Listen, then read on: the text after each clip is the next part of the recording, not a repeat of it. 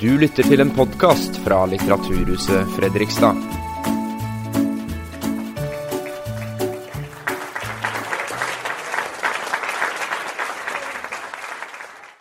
God kveld, alle sammen. Det var jo hyggelig å se at det egentlig er eh, stappfullt lokal. eh, I dag skal vi få hilse på um, kritiker og forfatter eh, som er på besøk hos oss. Som jeg hadde skrevet overskriften eh, 'Susann Sontag'. Og det første jeg fikk spørsmål om, var da 'Kommer hun?'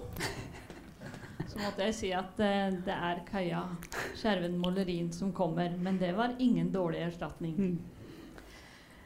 Eh, Kaja har en eh, lang karriere bak seg, og sikkert foran seg også. I dag skal vi få høre om Susann Sontag, som hun jo har tatt doktorgraden sin på. Men hun har gjort mye annet også. Bl.a. vært redaktør i Vinduet. Eh, Jobba i redaksjon på tidsskriftet Aurora.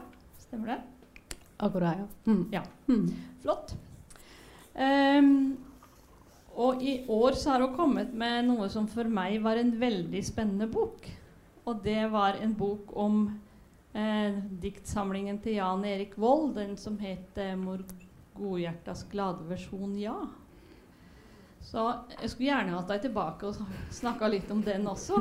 Men i dag så blir det Susann Sontag. Så velkommen til oss, Kaja. Tusen takk. Um, tusen takk for en veldig hyggelig invitasjon. Uh, jeg tenkte at da jeg ble invitert til Fredrikstad for å snakke om Susan Sontag, så måtte det være Bernhard Ellefsen eller noen i familien til Bernhard Ellefsen. Og så rett kan man ta. um, som hadde noe med dette å gjøre. De gangene jeg har um, uh, skullet presentere uh, Susan Sontag um, eller prøvd å si, prøve å si noe om uh, hvem hun er, så har jeg av og til tatt meg å tenke på noe Sontag uh, selv hevdet en gang på 90-tallet i det lille essayet 'Singleness', som bl.a. handler om forholdet mellom biografi og skriving. Og hvor nær man kommer en forfatter gjennom tekstene han eller hun skriver. Um, jeg har aldri likt den ideologien, forteller hun i dette essayet. Litt defensivt, da. Uh, denne ideologien som gjør skrift til en form for terapi eller et sted for selvutfoldelse. Dette som for å forklare at, um, uh, hvorfor tekstene hun selv skriver, er så lite selvbiografiske. Eller intimt personlige. Um, I dag så lar man seg vel neppe overraske uh, av at dette er noe hun i det hele tatt skulle måtte klargjøre for en offentlighet. Men det som kan slå en som et paradoks, er at Sontag samtidig fremsto som en offentlig intellektuell eh, med en helt særegen personlighet. Og hun var naturligvis også et yndet mål for nettopp utbroderte personangrep. Den første gangen jeg merket meg dette, var da jeg i 2005 eller 2006 samlet stoff eh, om Balkankonflikten, som Sontag på ulike måter engasjerte seg intenst i. Noe mange, meg selv inkludert, beundret henne for. Plassen foran Nationaltheatret i Sarajevo heter fortsatt Susan Sontags plass. Sontag eh, skal en periode ha snakket om krigen, Balkan, eh, nei, krigen på Balkan i tide og utide, eh, til manges irritasjon og vemmelse. I et essay i London Review of Books gir Terry Castle et levende bilde av hvordan dette kunne arte seg. En gang de to var sammen i Palo Alto, forteller hun, altså Castle, skal Sontag, skal Sontag da være kledd i flagrende gevanter og hvite joggesko. Hun er veldig detaljert i denne skildringen. Har spurt henne om hun noensinne øh, øh, har opplevd en skuddveksling. Nei, skal Castle ha svart, som sant var. Og på et blunk fortsetter hun, var Sontag i gang med en slags duck and cover-operasjon for å illustrere hvordan man skulle takle en slik situasjon. Løpende på huk nedover gata fra det ene hjørnet til det andre. Krypende under vinduer, i skjul bak klesstativ. Hele veien med de skinnende hvite joggeskoene.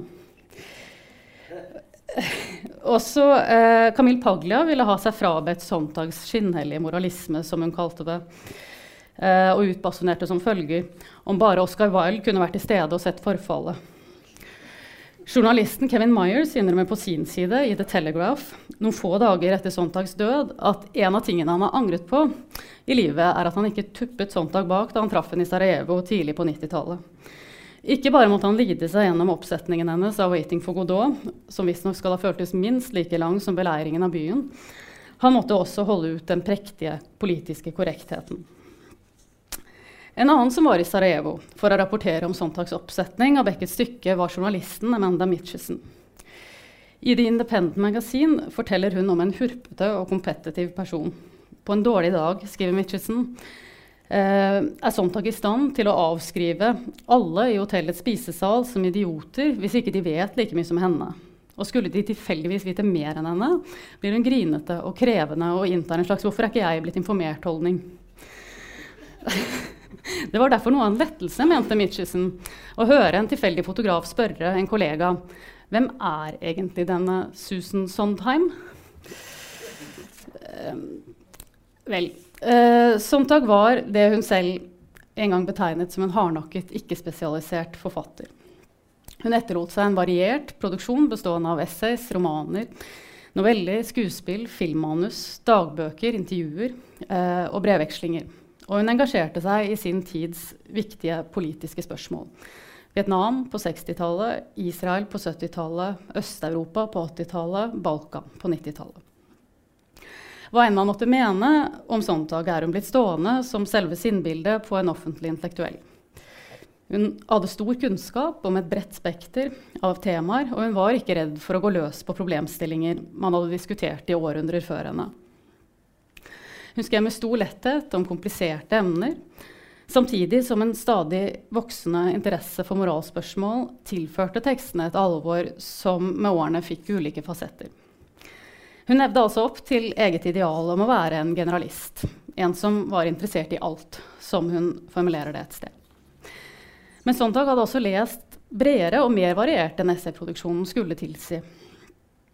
Sontags periode fremfor noen er den moderne tid. Eh, de litt over 200 årene som strekker seg fra overgangen mellom 1700- og 1800-tallet og fram til hennes egen samtid. Selv var hun en skrivende i rundt 40 år, fra tidlig på 60-tallet til tidlig på 2000-tallet. I løpet av de fire tiårene hun skrev, eh, så formet hun, særlig gjennom essayene, en kresen kanon bestående av tenkere, forfattere, filmskapere og billedkunstnere som alle i en eller annen forstand tilhører modernismen. De er for det meste europeere, de er, for det, de er for det meste menn. De er for det meste opptatt av store eksistensielle spørsmål som de i arbeidene sine for det meste gir en avansert form. Da Sontag ble en bærende stemme i den amerikanske offentligheten eh, rundt midten av 60-tallet, så var det, hvis man ser bort fra den frapperende skikkelsen hun fremsto som, Dels pga. den selvfølgeligheten hun forholdt seg til ulike sjangere med, altså film, litteratur, billedkunst, happenings. Og dels pga. den uanstrengte måten hun trakk inn populærkultur i resonnementene sine på. Og I dag er det selvfølgelig lett å undervurdere hvor åpnende dette må ha virket en gang. Altså hvor mye større verden med en gang ble, og hvilken optimisme denne holdningen tilførte kritikken. Det skulle heller ikke gå så mange årene før populærkulturen var blitt så dominerende, også blant akademikere, at den ikke trengte hjelp fra, kritik fra kritikere av Sontags kaliber for å bli studert på lik linje med andre kulturelle uttrykk. Sontag svarte på denne utviklingen på en overdrevent defensiv måte, tror jeg vi må si. Uh, utover 70-tallet etterlater Sontag et tydelig inntrykk av at hvis hun i det hele tatt så på TV, som hun i lange perioder ikke hadde, eh, så var det for å se en sju timer lang film om Hitler. Når det er sagt, så kan man også forklare denne tilbaketrekningen med at jobben for Sontagsdel var gjort. Hvorfor skulle hun bruke tid og krefter på noe som allerede hadde en plass i folks bevissthet? Og som andre antagelig kunne skrive like opplysende om som henne. Sontag følte nok også en utilpasshet i det generasjonsfellesskapet smaken hennes på 1960-tallet tross alt må sies å være et uttrykk for. Hun bruker selv betegnelsen 'den nye sensibiliteten' om sin generasjons måte å være i verden på, og om den spesielle mottageligheten for varierte sanseinntrykk.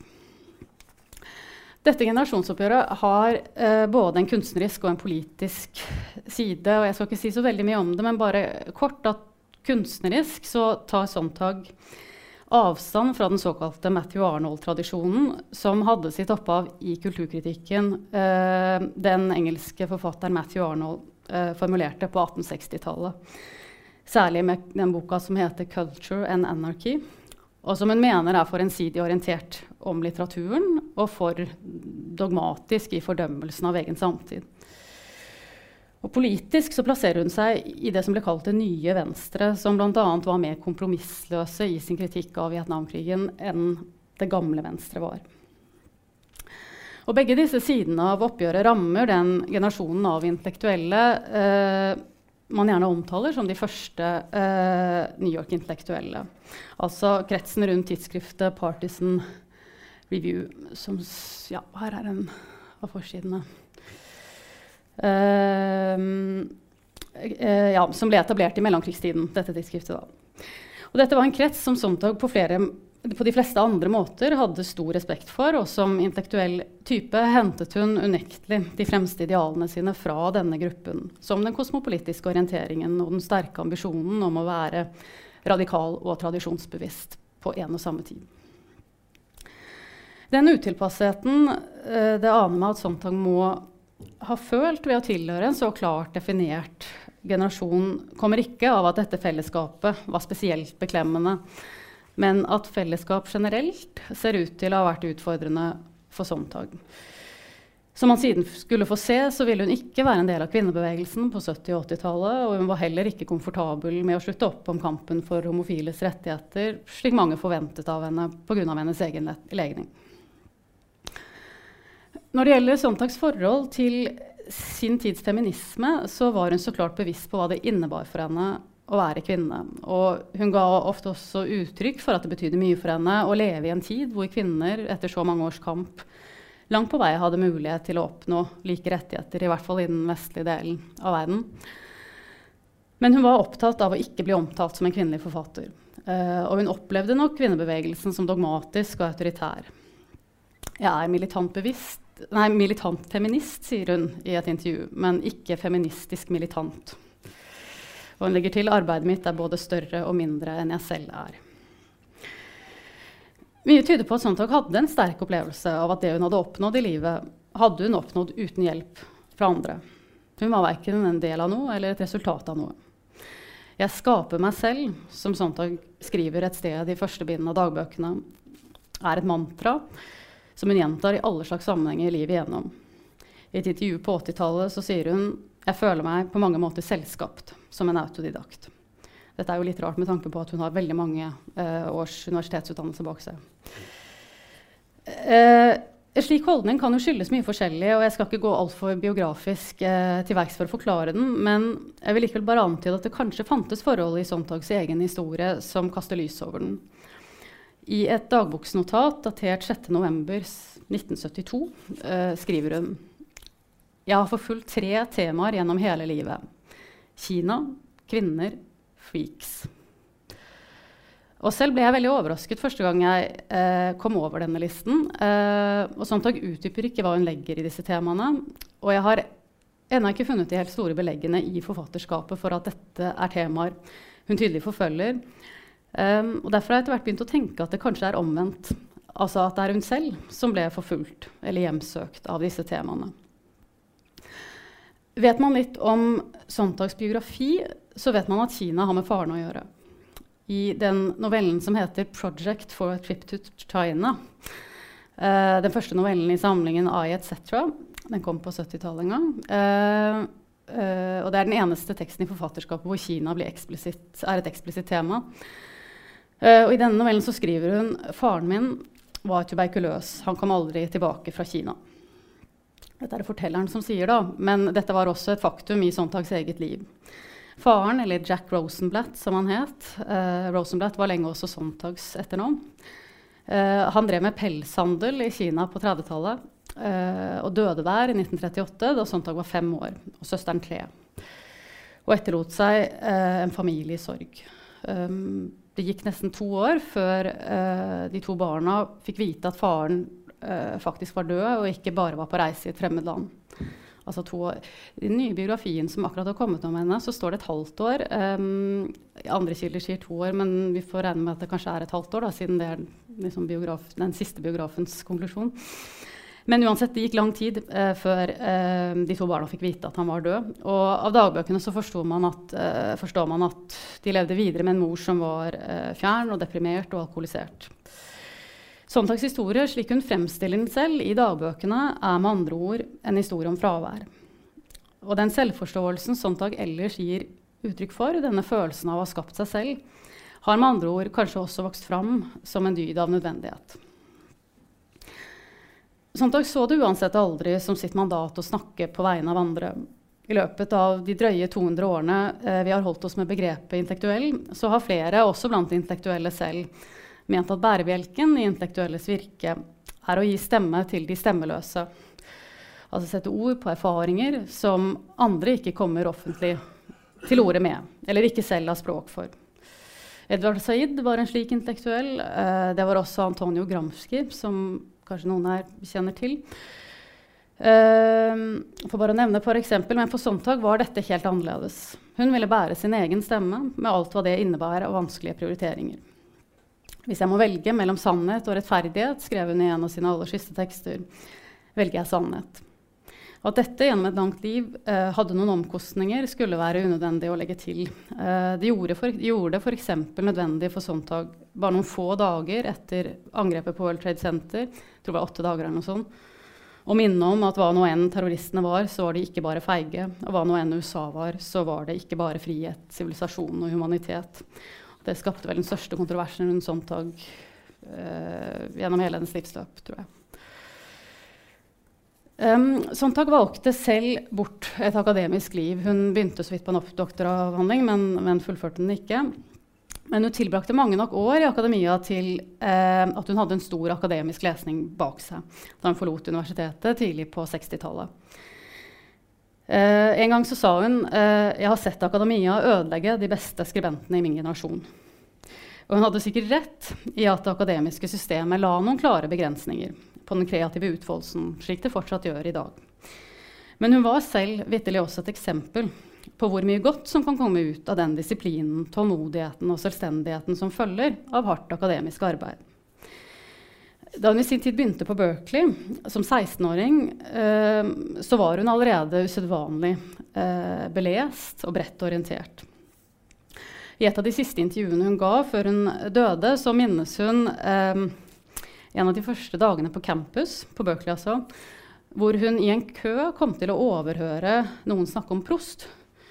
Uh, altså den franske forfatteren. Um, og det skal ha vært et så pinlig øyeblikk, forteller hun, da hun av samtalen mellom disse foran seg skjønte at man ikke uttalte dette navnet Proust, slik hun alltid hadde trodd, men altså Prost. Uh, og utenfra sett så må man vel heller konstatere at dette er en bekymring de færreste tenåringer har. Um, de tidlige dagbøkene til Sontag fra hun er 13-14 år, inneholder leselister Eh, ikke over bøker hun skal lese, men over bøker hun skal lese om igjen.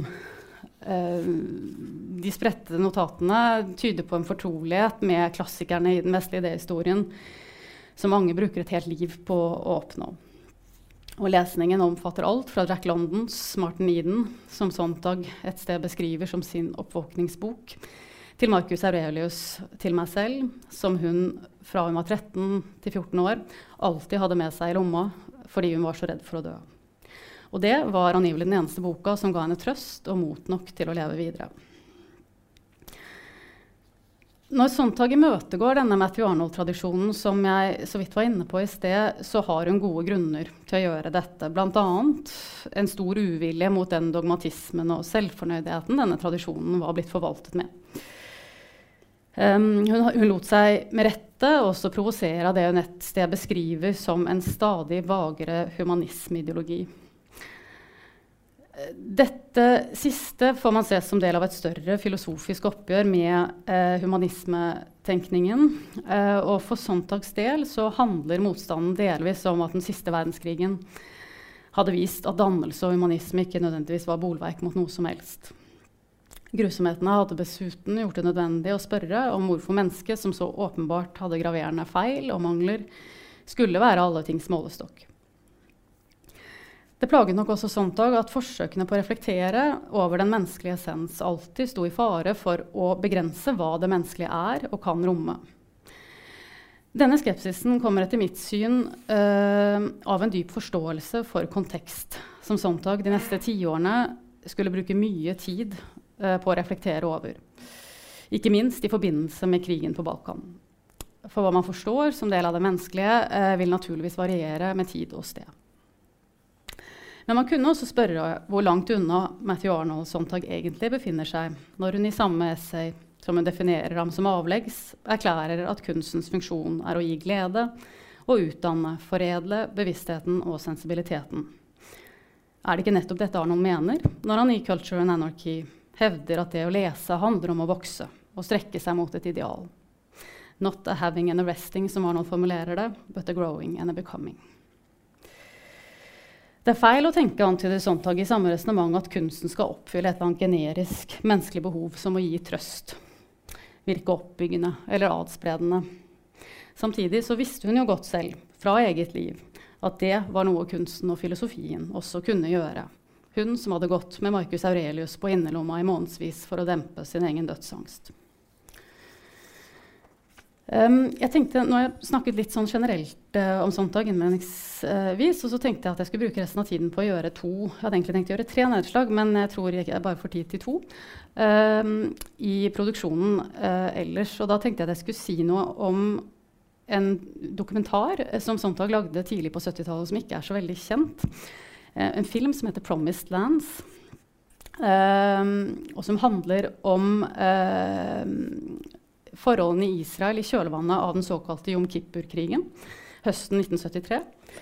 Og så tenkte jeg å si noe om uh, den essaysamlingen som heter 'Regarding the Pain of Others', som kom i uh, 2000, var siste store essay Sontag skrev, og den kom i 2003.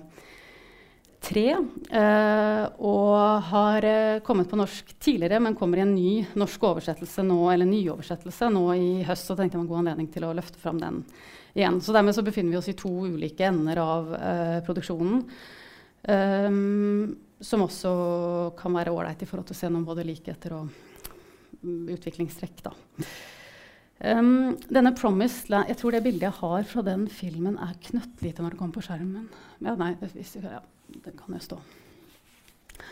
Um, den um, ja, denne filmen 'Promised Land' som jeg skal starte med å snakke om, er det nærmeste man kommer et vendepunkt i Sontags uh, produksjon.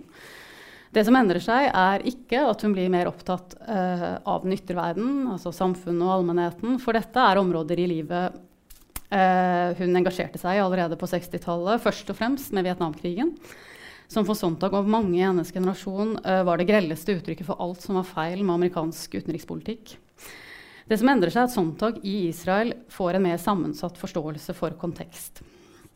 Den ene og mest opplagte siden av dette er at all krig ser annerledes ut på nært hold enn betraktet på avstand.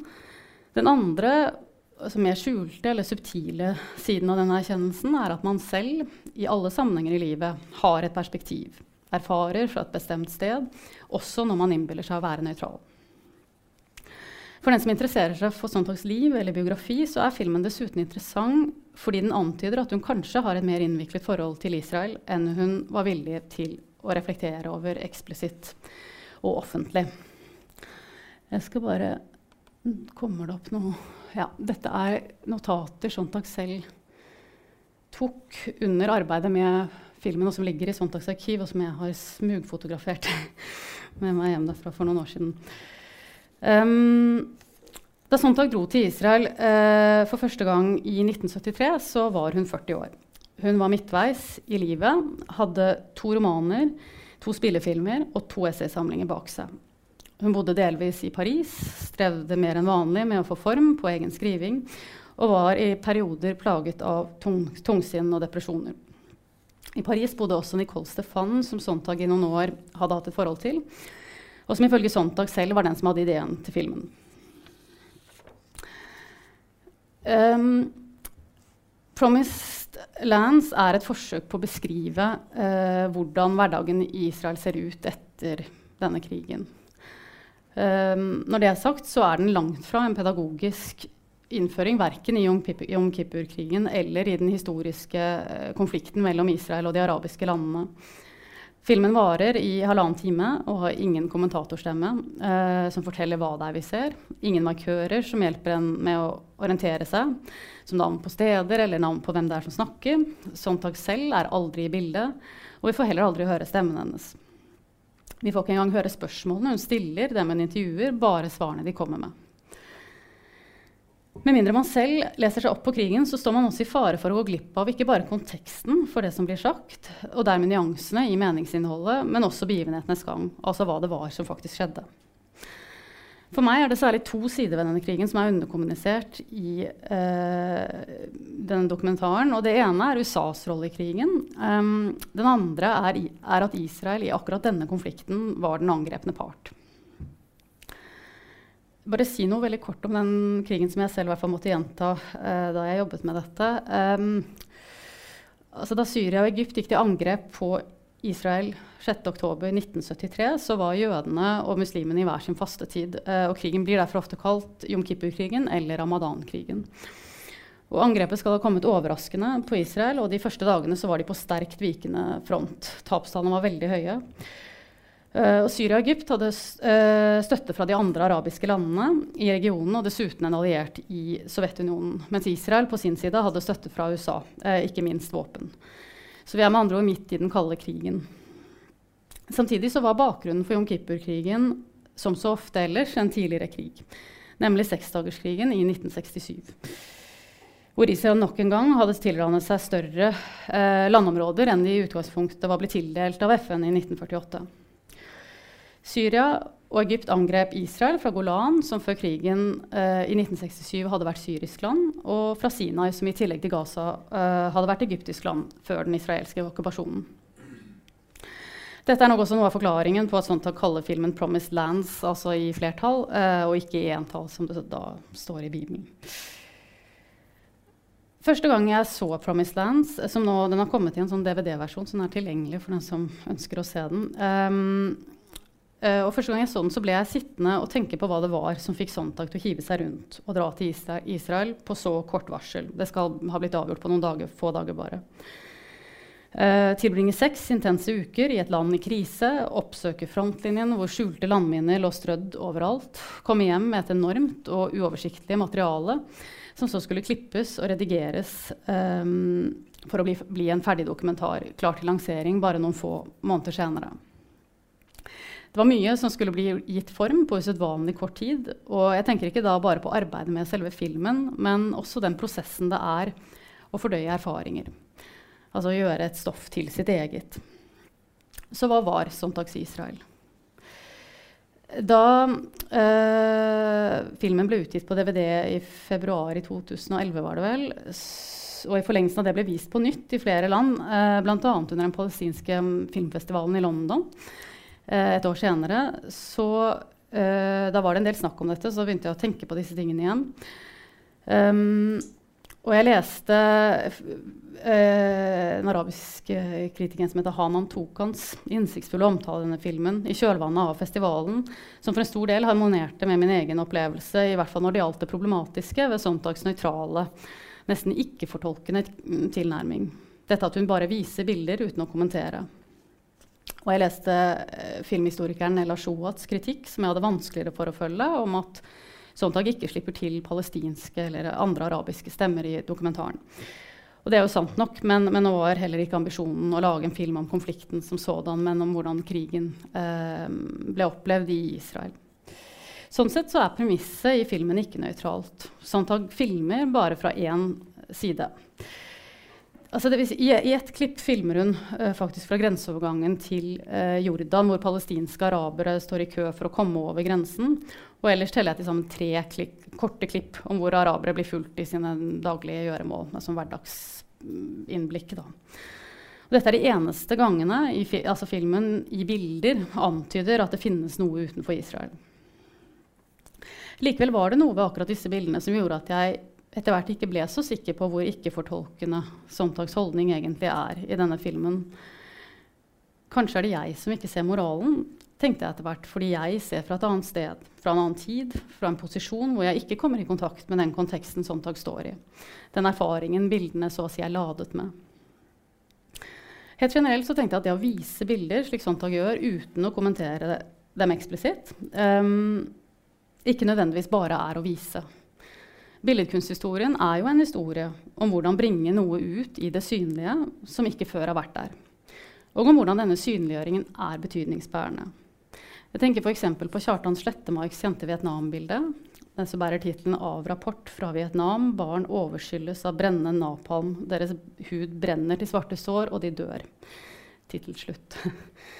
Um, dette bildet da det sto utstilt første gang i 1965, skapte jo voldsomme reaksjoner. Um, særlig pga. det tilsmurte amerikanske flagget, som flere så på som ren flaggskjenning.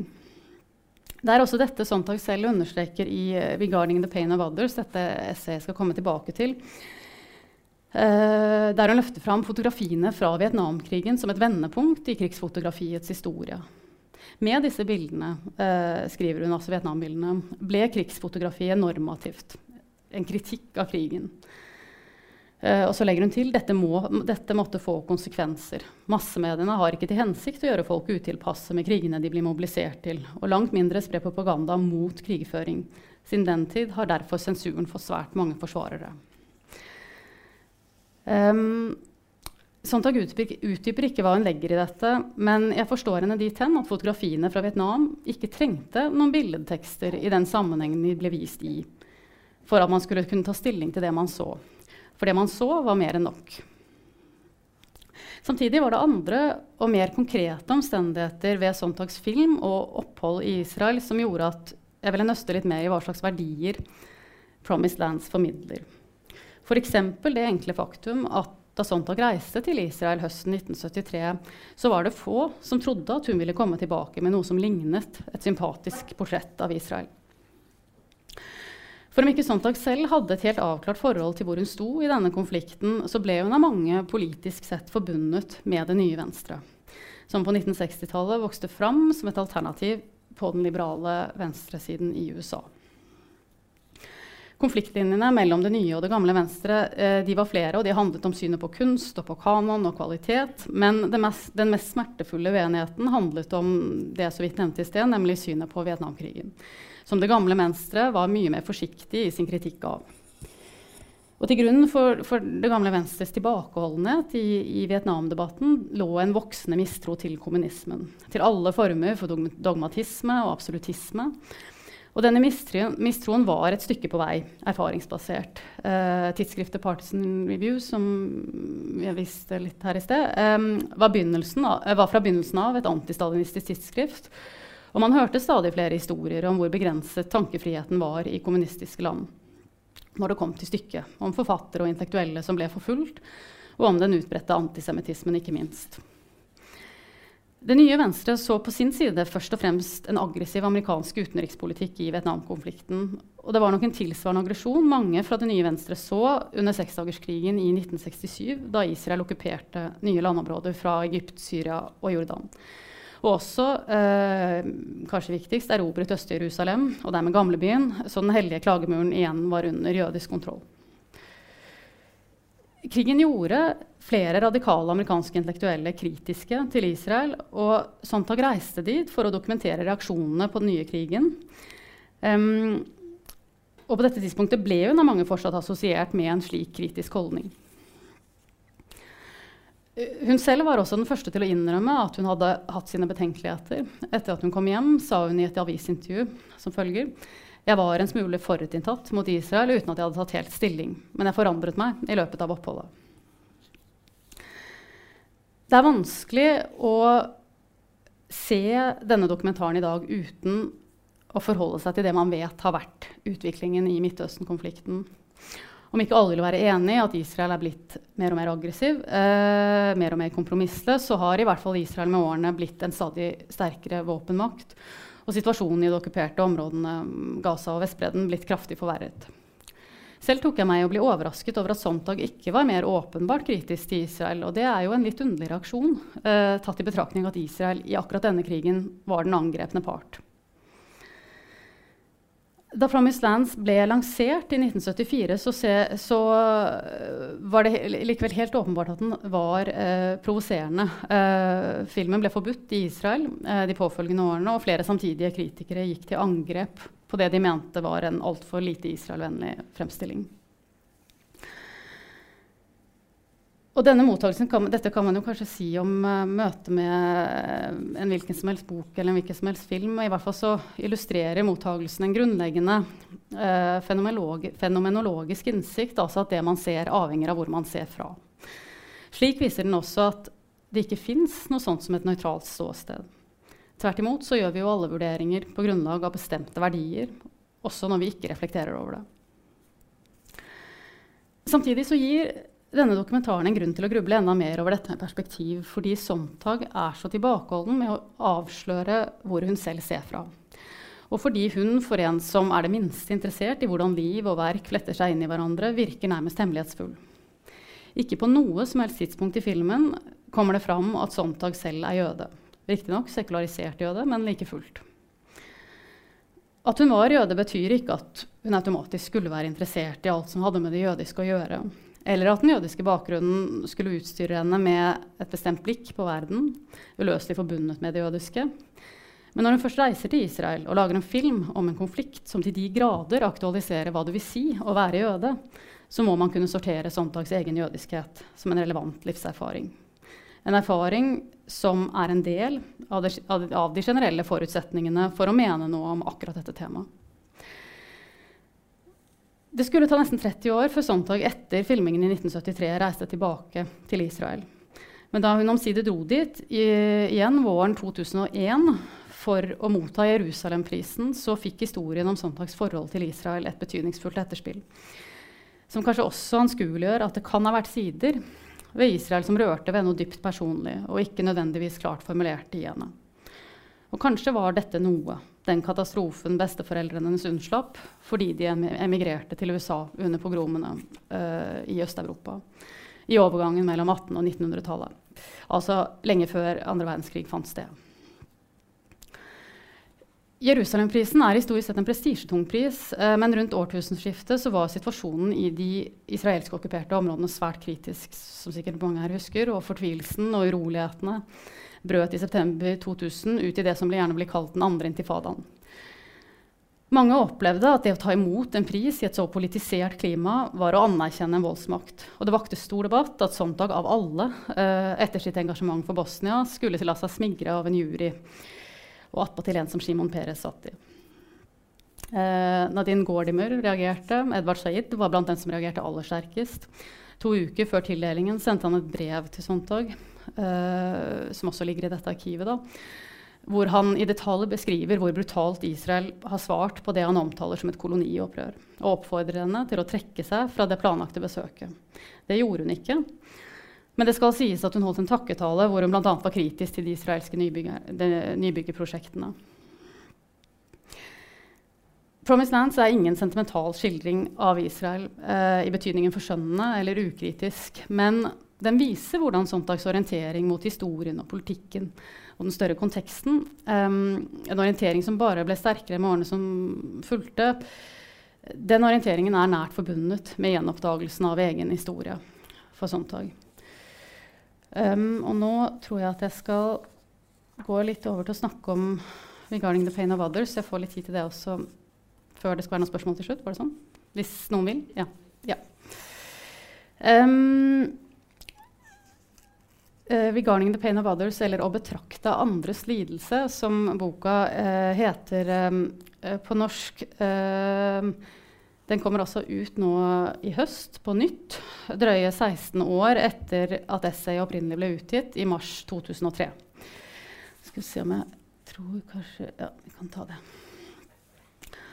Um, dette bildet er fra, det er et ikonisk bilde, Det har sikkert sett det før, fra Warszawa-gettoen i 42, er det vel. 41-42. Um, som er et av bildene. Hun, hun diskuterer ikke dette eksplisitt, men, men, det inngår altså i krigsfotografiets historie. Da. Um, essayet ble altså opprinnelig utgitt i mars 2003. Um, boka uh, kom første gang på norsk uh, rett før jul i 2004. eh, noen uker bare før Sontag døde 28.12. etter et langt og smertefullt dødsleie. Dette dødsleiet ble dokumentert av Sontags kjæreste, fotografen Annie Leibowitz, og to år senere eksponert for et større publikum med utstillingen og boka 'A Photographer's Life'. Dette får man si som en brutal illustrasjon på det Sontag selv stadig så seg nødt til å understreke. Man har ikke alltid privilegiet av å være en betrakter. Det var i hvert fall det jeg selv tenkte da jeg første gang så bildene en vår i Berlin, og kjente et ubehag jeg fortsatt ikke vet om skyldes bildenes rå utislørthet. Altså disse bildene er så brutale, Sontag er nesten ikke til å kjenne igjen. Um, eller uanstendigheten ved å betrakte dem. Å betrakte andres lidelse er et opplyst, tenkende essay om krigsfotografiets historie. Eh, et erfaringsbasert essay om følelsenes liv. Og kanskje mest av alt et uredd forsvar for det jeg vil kalle den indre loven. Den enkeltes ansvar for å vurdere når egen samvittighet er viktigere enn jussen og kulturens føringer. Essayet er også et alleromsverk, Eh, eller jeg vil i hvert fall kalle det et alderdomsverk. Et verk Sontag skrev på sine eldre dager, og et verk som antagelig først kunne komme med alderen. Ikke så mye fordi eh, hun skriver om temaer som er spesielt relevante for en bestemt aldersgruppe, det gjør hun absolutt ikke, men fordi resonnementene hennes hviler på en innsikt i kroppslig sårbarhet. En innsikt som for mange er forbundet med det å bli eldre eller det å bli syk. I mars 2004 fikk Sontag sin tredje og siste kreftdiagnose. Leser man Sontags etterlatte papirer, som er oppbevart på Universitetet i California, så ser man hvor sammenvevd de to temaene egen sykdom og andres lidelse var for henne mot slutten av livet. I mars 2001 så leverte hun forlaget sitt eh, forslag til to ulike bøker. En bok om krig og fotografi, som ganske nøyaktig to år senere materialiserte seg som uh, 'Regarding the Pain of Others', og en bok om sykdom som aldri ble noe av men som likevel ga næring til essayet hun faktisk kom i havn med. Det var et påfallende sammentreff, eh, har jeg tenkt, at den første norske utgaven av 'Å betrakte andres lidelse', altså den som kom i, i 2004, ble sendt ut til aviser, tidsskrifter og bokhandlere bare kort tid før det store jordskjelvet inntraff på vestkysten av Sumatra. Et skjelv som ble fulgt av en serie tsunamibølger som i alt rammet 14 land, særlig India, Sri Lanka og Thailand. Den massive mediedekningen av katastrofen demonstrerte problemstillingene Sontag kretser rundt. Hva ser vi når vi er vitne til andres lidelse? Hva føler vi? Hvor plasserer vi det? Hvem har tatt bildet, og hvorfor? Hva gjør vi etter å ha sett det? Men jeg kan like gjerne si at Sontagsesset ikke trenger noen spesiell aktualisering fordi det har øyeblikkets interesse hele tiden. I kraft av å handle om bilder eh, vi i vår del av verden eh, blir utsatt for hver dag. I vår samtid vil mange lesere sikkert tenke på bildene fra flyktningstrømmene fra Syria og Nord-Afrika, ikke minst på bildet fra 2015 av den tre år gamle syriske gutten som ble skylt i land på stranden i Tyrkia etter å ha omkommet med tolv andre i et forsøk på å ta seg over de fire kilometerne fra Bodrum-halvøya til den greske øya Kos. Samtidig er det på sin plass å reflektere over hva det innebærer at Sontag skrev essayet tidlig på 2000-tallet. 16 år er lenge for en bok som i såpass stor grad har den teknologiske utviklingen som bakgrunn. Boka ble utgitt ett år vel før Facebook ble grunnlagt, og Sontags medievirkelighet er en ganske annen enn vår. Den gang var det fortsatt naturlig å forholde seg til, forholde seg til direktesendt TV som det fremste nyhetsmediet. Men det er også så altfor lett å se sin egen tid som enestående. Altså at vi i dag blir utsatt for en billedflom, og at flere medier er mer tilgjengelige enn før. Og mer umiddelbart tilgjengelige og overrumplende gjennom smarttelefonen, det er jo åpenbart. Um, og det blir ofte sagt at vi lever med en offentlighet som er mer fragmentert enn noen gang. Men selv er jeg ikke så sikker på om vi egentlig opplever medietrykket særlig annerledes enn tidligere tiders mennesker. Medievirkeligheten har jo alltid vært overveldende på ulike samtider. Det er medienes karakter. Teknologier har endret seg, men siden den illustrerte nyhetspressen eksploderte i Europa på 1830-tallet, så har spørsmålene i bunn og grunn vært de samme. Hvordan relatere seg til lidelsene man ser avbildet og hører om i nyhetene, når historiene er så mange, og, når historiene aldri tar slutt. Denne formen for modernitetskritikk er i Sontags øyne like gammel som moderniteten selv. Mot slutten av denne boka 'Å betrakte andres lidelse' så siterer hun fra forordet til uh, 'Lyrical Ballads', den utgaven som kom i 1800, uh, en, en diktsamling, der William Wordsworth beklager seg over alle inntrykkene man blir utsatt for i en storby hver dag. Hvor flat og nummen man blir, hvor sensasjonslysten, monotonien, gjør en. En lyst mediene både tilfredsstiller og bidrar til å opprettholde hver time. Dette følte altså Wordsworth for over 200 år siden, før avisene hadde bilder. Fotografiet, som sikkert mange vet, ble jo oppfunnet i 1839. Eh, og først 40 år senere, altså 40 år senere, i 1880, så kom de første fotografiene i pressen. Uten da sånn oversettelser via kobberstikk og litografi som det var, og andre bildeteknologier som det var gjort litt av før. da. Men dette er en bemerkelsesverdig forsinkelse med tanke på hvor raskt den teknologiske utviklingen ellers var i samme tidsrom. Altså at det tar 40 år fra oppfinnelsen av fotografiet til det fins i avisen. Uh, å betrakte andres lidelse er en bok som tydelig illustrerer hvordan Sontag når hun skriver om moralspørsmål, hele tiden forholder seg til to ulike nivåer. Et generelt og et spesielt. Et nivå som omfatter det prinsipielle og det allmennmenneskelige, hvordan vi generelt definerer og tenker om moral, og et nivå som gjelder enkeltmennesker i helt vanlige hverdagssituasjoner. Altså hvordan moral eller mangel på moral eh, også kan komme til uttrykk i ureflekterte utsagn og handlinger. Og I flere tidligere essays så argumenterer Sontag for at kulturen legger føringer på hvordan vi forholder oss til moral. Disse føringene er gjerne usynlige og helt naturaliserte.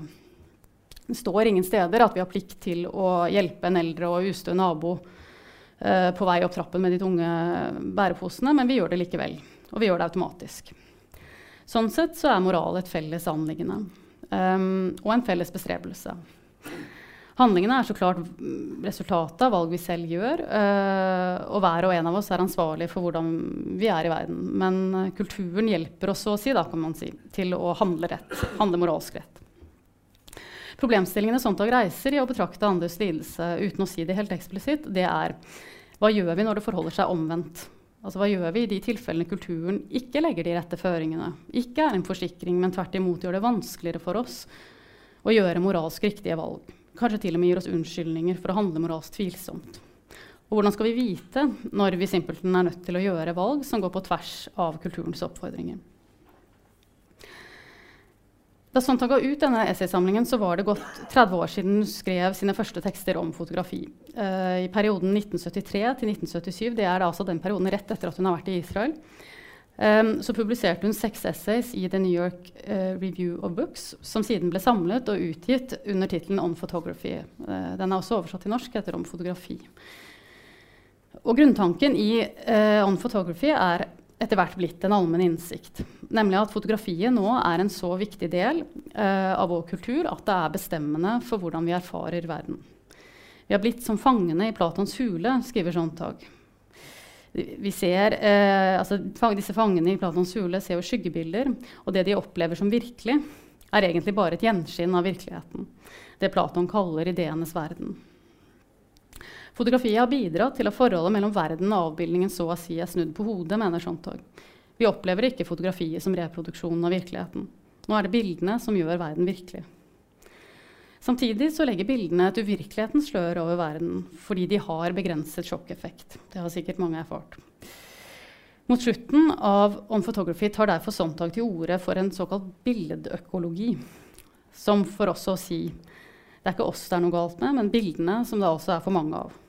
Vi kan ikke noe for at vi reagerer som vi gjør. Når trykket utenfor blir for stort, så beskytter vi oss bare automatisk.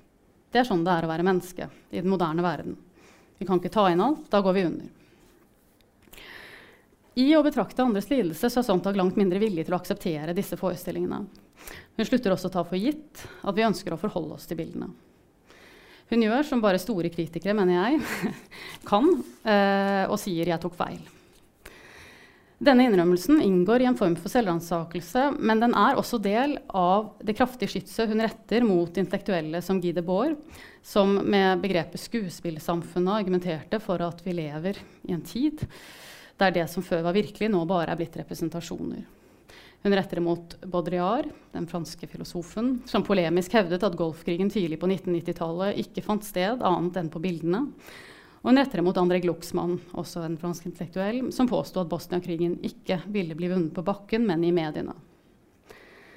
Når den eldre Sontag for alt i verden vil slippe å bli assosiert med disse tenkerne, så er det ikke fordi hun i utgangspunktet er helt fremmed for tankestrømningene de på hver sin måte henter inspirasjon fra. Jeg tenker da på poststrukturalismen, dekonstruksjonen, postmodernismen. Sontag var hele sitt voksne liv generelt interessert i fransk etterkrigsteori, og spesielt gjennom arbeidet med Roland Barths tekster så tilegnet hun seg det som for meg fortsatt står som en av poststrukturalismens mest verdifulle innsikter, at det er både reduktivt og destruktivt å tenke i motsetninger. Setter man opp et enten-eller, så glemmer man, så, glemmer man så altfor lett at veldig mye faller utenfor en slik inndeling. Tenk bare innenfor lesningens verden. Altså, er du bokhistoriker eller er du en poststrukturalist? De fleste er ingen av delene. Leser man Sontag, så ser man hvor innarbeidet denne innsikten er. Alt har alltid en annen side. Det som er blitt et problem for henne når hun skriver og betrakter andres lidelse, er at en slik tenkemåte også bringer en ut i et uføre, hvis man til slutt ikke klarer å fastholde noe som helst som entydig. Alt i denne verden vi deler, kan ikke være et spørsmål om perspektiv eller fortolkning. For krigen finnes jo uavhengig av hvordan jeg måtte forstå den, om jeg i det hele tatt ser den. Det er derfor Sontag omtaler et utspill som Baudrillage som konservativt, på grensen til reaksjonært. Man kan insistere så mye man vil på bildenes uvirkelighet, men virkeligheten bak bildene blir ikke mindre virkelig av den grunn. At man utsetter bildene for kritikk, forandrer ikke den sosiale og politiske realiteten, men gjør det mulig for oss å sette parentes rundt den avbildede virkeligheten. For den er uansett ikke virkelig. Og det bidrar mest av alt, mener Sontag, til å opprettholde status quo. Bare det å forutsette at alle er betraktere, på samme måte som vi er i den vestlige verden, er for Sontag forbløffende provinsiell, selv til vestlige tenkere å være. Jeg tror det er mot en slik bakgrunn vi må forstå de mest følelsesladede utbruddene i å betrakte andres lidelse. Et utbrudd som f.eks. La, la de grusomme bildene hjemsøke oss. Sontag er en rasjonalist i tradisjon, tradisjonen etter Freud. Eh, det viktige er ikke nødvendigvis å få kontroll over følelsene. Eh, denne kontrollen kan tvert imot være et problem. Eh, men å forstå dem. Uh, og følelsenes liv er et av de viktigste temaene i essayet. På den ene siden argumenterer hun for at følelsene kan virke passiviserende. Altså at man lett slår seg til ro i sympatifølelsene, for hva annet kan man gjøre uh, i møte med disse bildene av andres lidelse enn å bare føle med. Og selv i forsøket på å leve seg inn i andres vanskelige situasjon, så kan man jo ende med å kretse mest rundt sin egen, eh, sitt, seg, altså seg selv og sitt eget. Altså se hvor tungt jeg har det fordi du har det vondt. På den andre siden minner Sontag om kan det, det, som ligner passivitet og nummenhet, eh, og ofte omtales som det, være sterkt følelsesladede tilstander. Bilder av bestialitet og lidelse kan vekke sinne og frustrasjon, men kulturens talemåter og omskrivninger lar det skinne gjennom at offentligheten har liten plass til private reaksjoner av denne typen. Sontag forfølger dessverre ikke dette temaet, eh, men antyder konturene av et paradoks. Um, vi lever i en krigshissende og voldsforherligende kultur som samtidig har store problemer med å tåle, forstå og håndtere aggresjon. Det var en problemstilling som skulle få nok en omdreining året etter at essayet kom, også for Sontag, da bildene fra Abu Ghraib tilfløt offentligheten.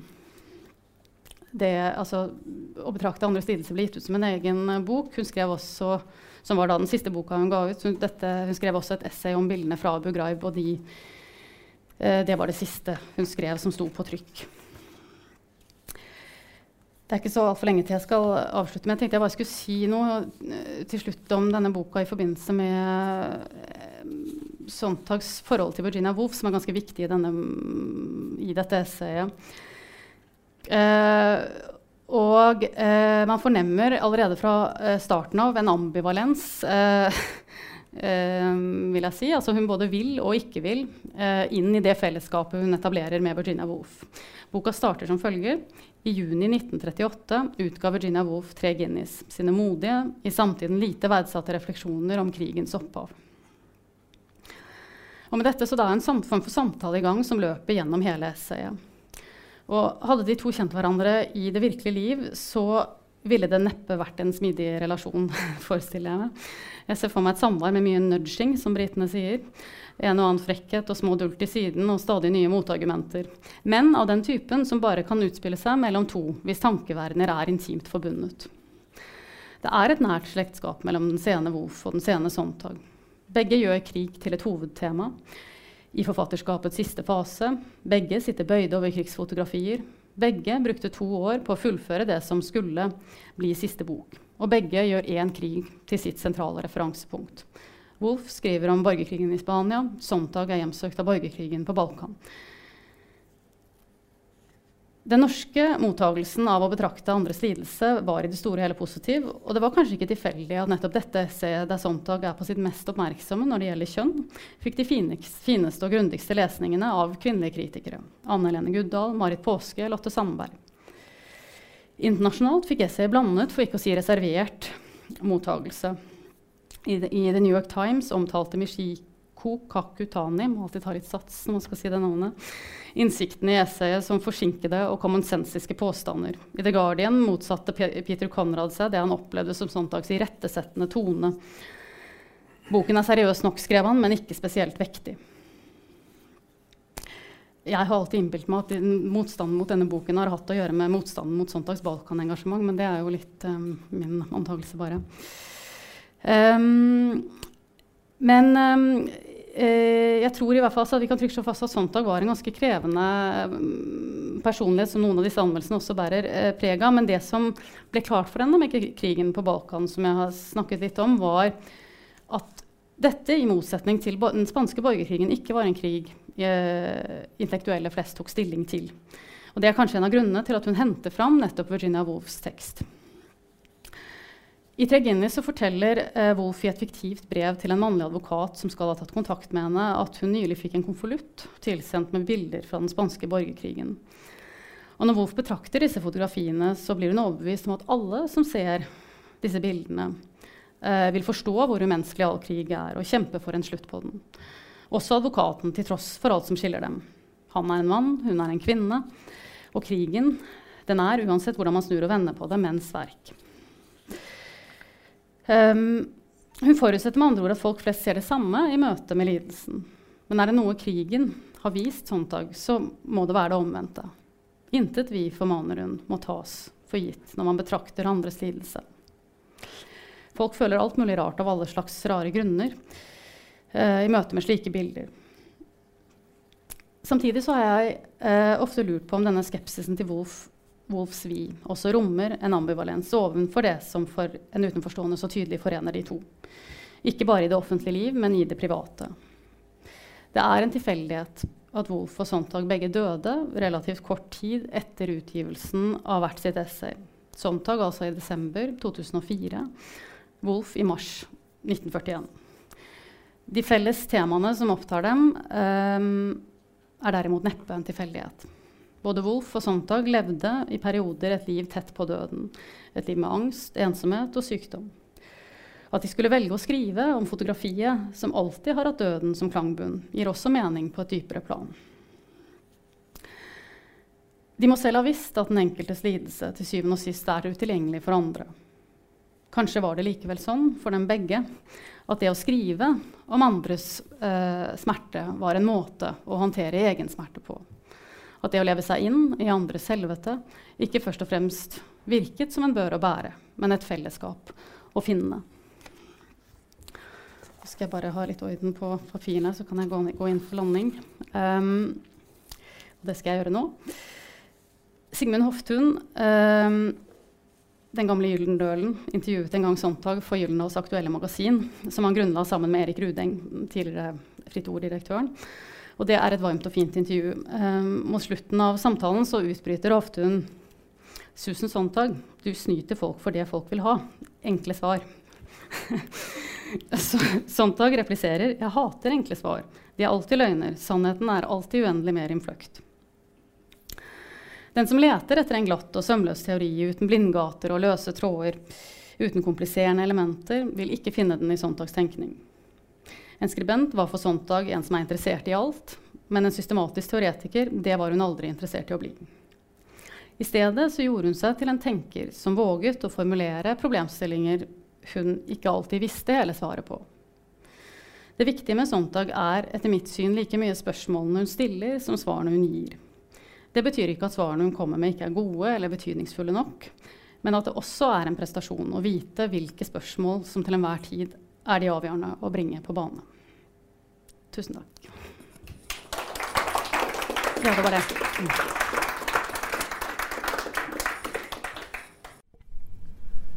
Nå har du hørt en podkast fra Litteraturhuset Fredrikstad. For mer informasjon, klikk deg inn på litthusfred.no.